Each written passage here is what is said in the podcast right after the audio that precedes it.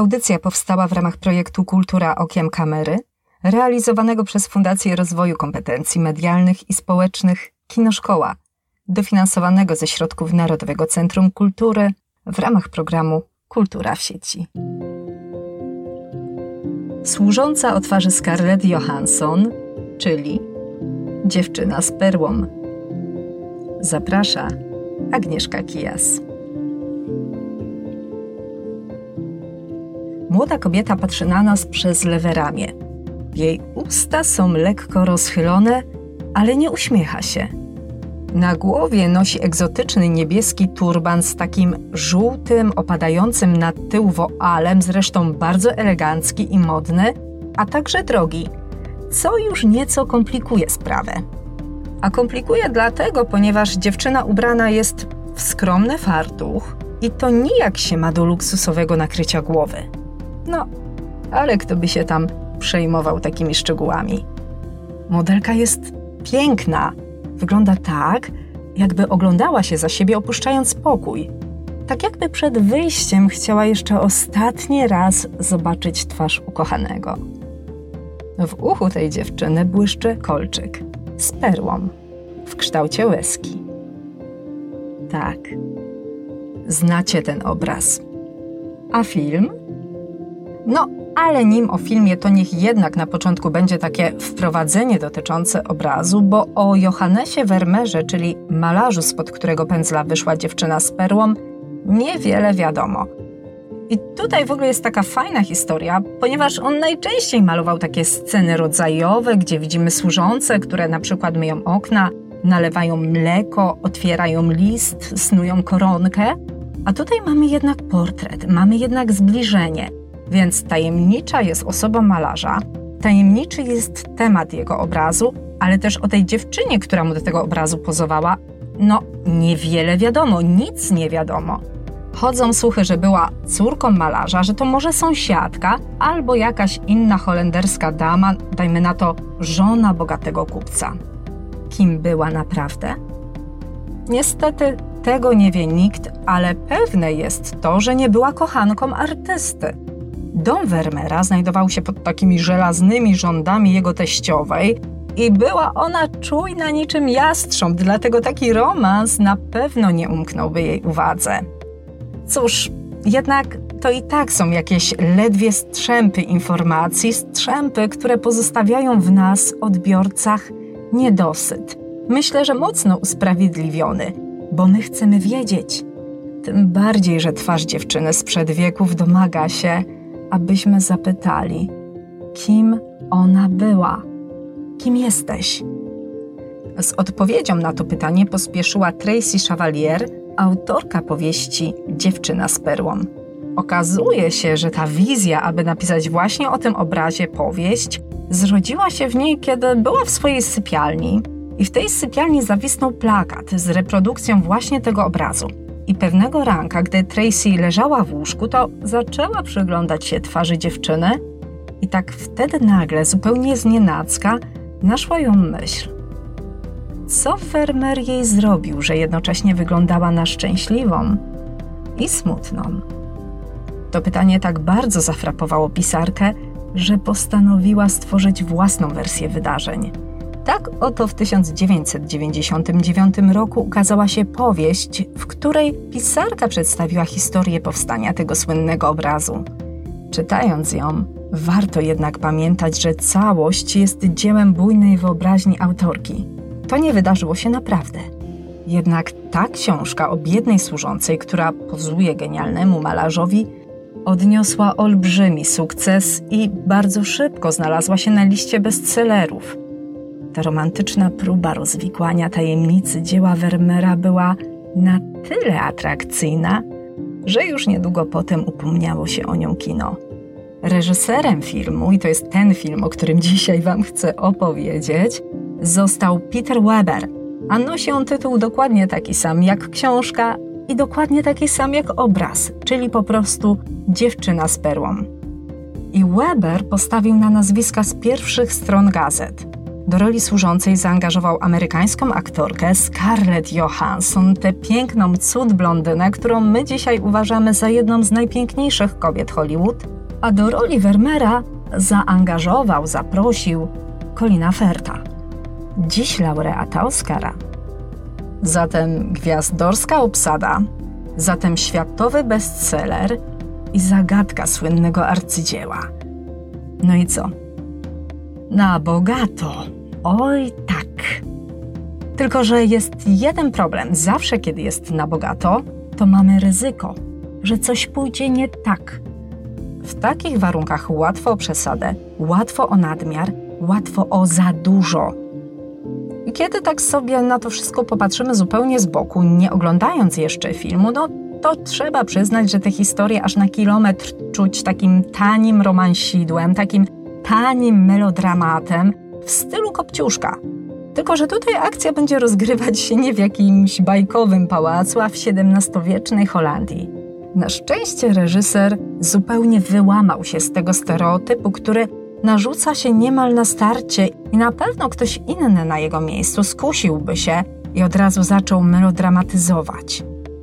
A u Ebera wszystko jest proste, oszczędne, okrojone do niezbędnego minimum.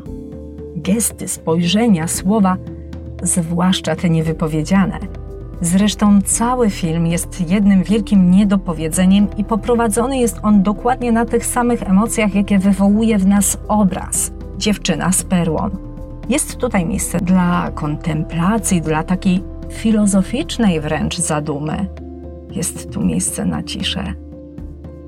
Czasami bohaterowie tylko na siebie patrzą, ale my i tak wiemy, że w istocie wiszą nad przepaścią i wystarczy jeden krok. Jeden krok. Wyrunąć. No dobrze, ale na razie jeszcze tutaj twardo stoimy na ziemi, nikt nigdzie nie runął. I tutaj myślę, że przyszedł już ten czas, by zastanowić się, o czym opowiada ta historia. Tak po prostu. Zgodnie z filmową wersją wydarzeń, dziewczyna ma na imię Griet i trafia do domu Vermeera jako służąca. Ale nie on tutaj nosi spodnie, a jego teściowa. To ona zarządziła, że jej córka ma rodzić dzieci i rodzi jedno po drugim. A Vermeer ma malować obrazy i maluje jeden po drugim. I tak to się toczy. Od dziecka do dziecka, od obrazu do obrazu. Tylko czegoś tu brakuje. Czegoś brakuje w tym domu. Rozmów. Wszyscy są dla siebie obcy. Wermer i jego żona Katerina prawie nie spędzają ze sobą czasu. Ona zachowuje się tak, jakby chciała gdzieś się schować, jakby chciała zniknąć przed całym światem, a w dodatku zupełnie nie rozumie sztuki męża. Nawet nie wchodzi do jego pracowni. Za to Griet. A ta dziewczyna po prostu jest malarką. To znaczy, mogłaby nią być, mogłaby nią być dzisiaj, bo w XVII-wiecznej Holandii był to zawód zarezerwowany dla mężczyzn. Ale patrząc na nią, na to jak się zachowuje, na to co mówi, nie mamy wątpliwości, że w duszy ta dziewczyna jest malarką. Na przykład, gdy Werner pyta ją, jaki kolor mają chmury, to ona tak w pierwszej chwili odpowiada, że chmury są białe, ale za sekundę mówi: Nie, nie białe, żółte, błękitne, szare. Chmury mają wiele kolorów. Oczywiście ta inteligentna dziewczyna przyciąga uwagę Vermeera, jest pracowita, instynktownie reaguje na obrazy, na rzemiosło, na kompozycję, a nawet na chemię. Bo pamiętajmy, że w tamtych czasach ten proces wyrabiania farby nie był taki prosty jak dzisiaj. To nie było tak, że się szło do sklepu, kupowało się farby. Malarze tworzyli je sami, w swoich pracowniach, nierzadko strujących od czynników. I Griet się tego uczy. Vermeer jej to pokazuje.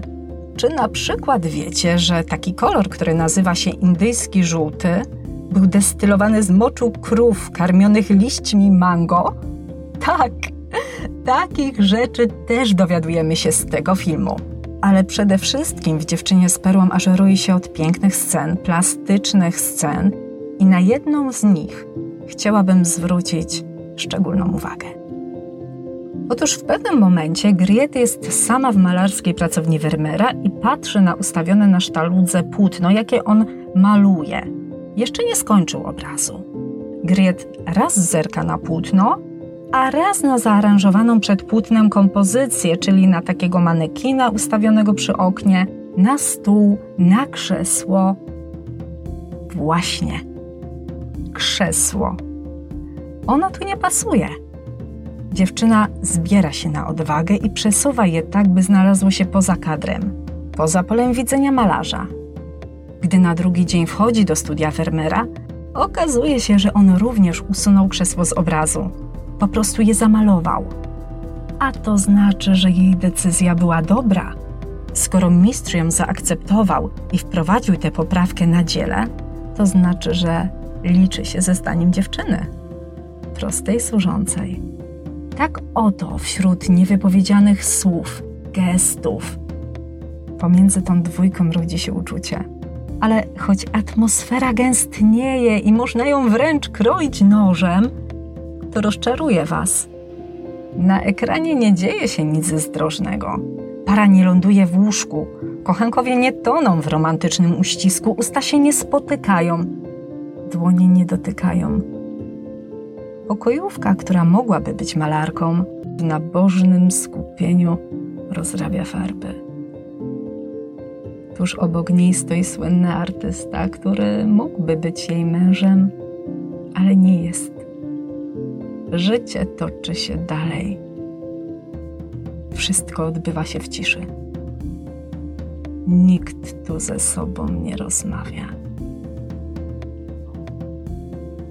I tak siedzą obok siebie. Mieszają farby. To chwila największej namiętności między nimi. Weber opowiada piękną, plastyczną historię. Historię utrzymaną w stylu obrazów holenderskiego mistrza Johannesa Vermeera.